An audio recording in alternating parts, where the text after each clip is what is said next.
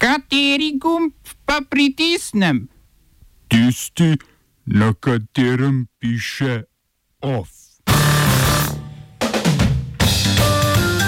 Hrvaški predsednik je Zoran Milanovič. Iraški parlament z resolucijo poziva k odhodu tujih vojakov iz države. Turčija začela s postopno napotitvijo vojakov v Libijo. Venezuelci dobili kar dva predsednika narodne skupščine. Premjera dokumentarnega filma o Stigu Larsonu.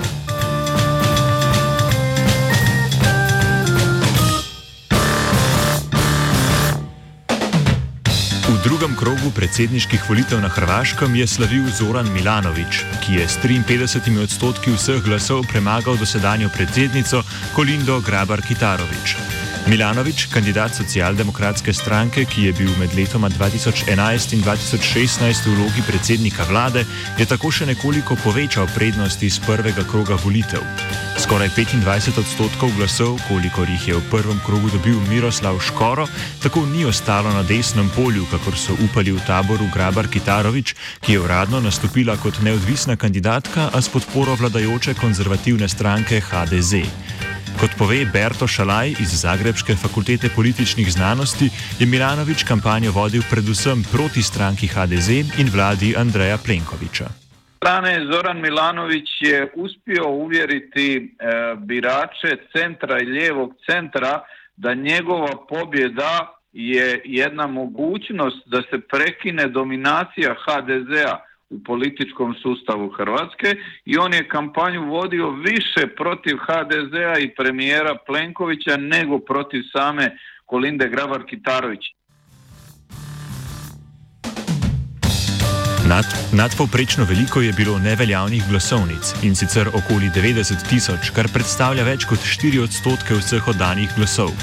Več o volitvah na Hrvaškem v offsajdu ob 17. uri.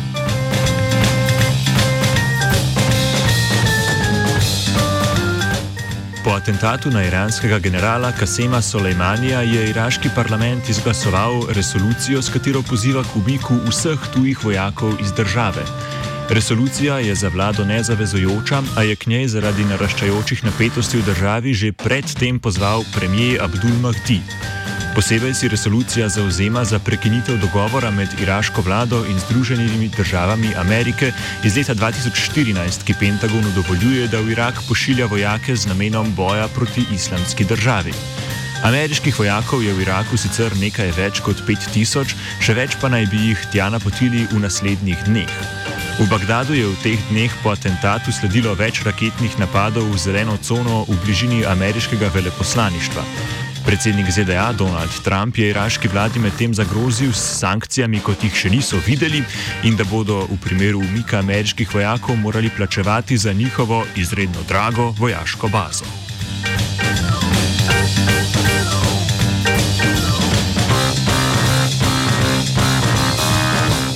Trump se v besedno vojno spušča tudi z iranskimi oblastmi. Potem, ko je iranski vrhovni vodja Ali Hamenej zagrozil s povračilnimi ukrepi, v iranski vladi pa so obenem napovedali dokončen umik od jedrskega sporazuma, je medtem Trump napovedal napade na 52 ciljev, tudi na kulturne spomenike.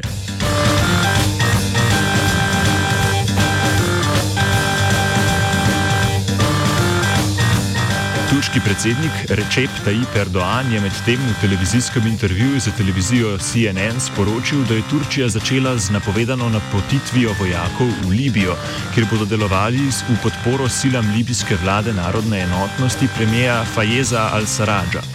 Zaenkrat naj bi bilo v Libijo napoteno osebje, ki bo skrbelo za usposabljanje ter koordinacijo tamkajšnjih vojaških sil. Saradževa vlada v Tripoliju se še naprej sooča s pritiskom sil generala Kalife Haftarja, ki ga podpira usporedna zahodna vlada v Tobruku.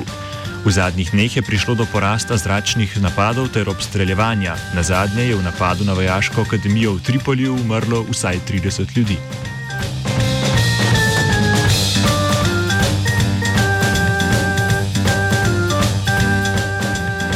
V Venezueli sta potekali kar dve glasovanji za predsednika Narodne skupščine, položaja, ki ga je od lanskega januarja zasedal Juan Guaido, vodja venezuelske opozicije.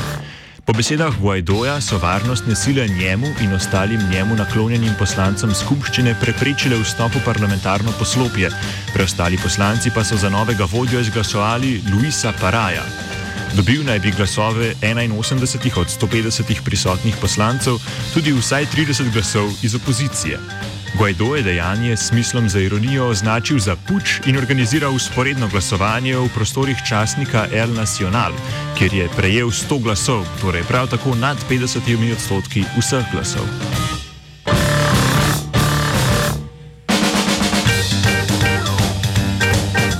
Narodna skupščina je sicer venezuelski zakonodajni organ, prvič izvoljen leta 2000 po bolivarski revoluciji. Leta 2015 je večino pridobila opozicija, zaradi česar je predsednik države Nikolas Maduro dve leti kasneje ustanovil usporedno delojočo ustavodajno skupščino. Narodna skupščina je poskušala delovanje Madura izpodbijati z zavračanjem rezultatov predsedniških volitev, Guaido pa se je, potem ko je bil imenovan za predsednika skupščine, samo razglasil za začasnika predsednika države.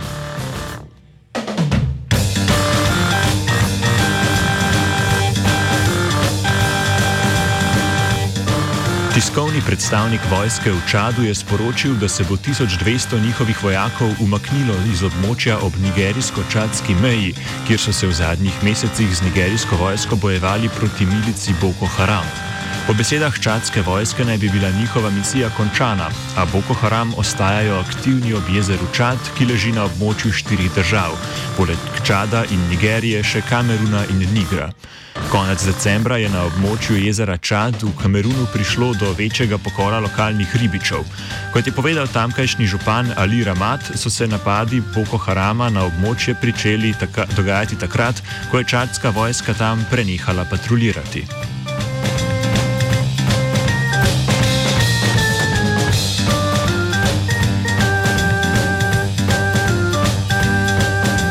Španski premijer Pedro Sánchez v prvem krogu glasovanja v španskem parlamentu pričakovano ni dobil zadostne podpore poslancev za potrditev manjšinske koalicije njegovih socialistov stranko Podemos.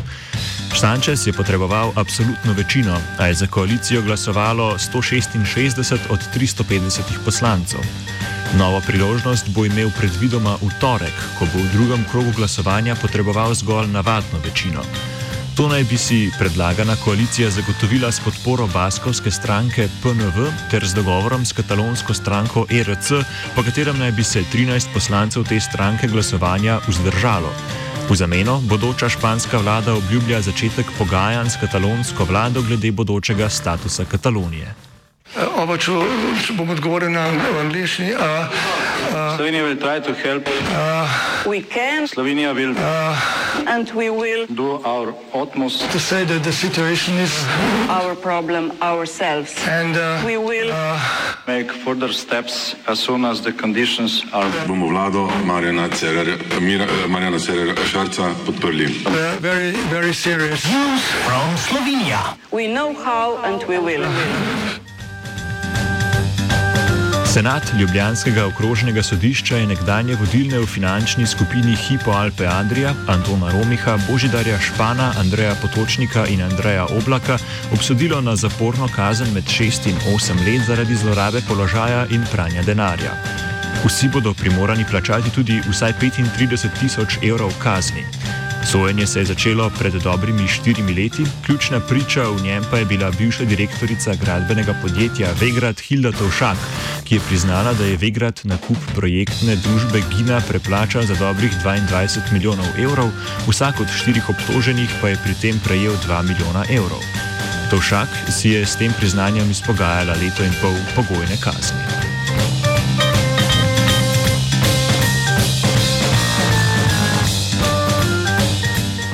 je pripravil Jure.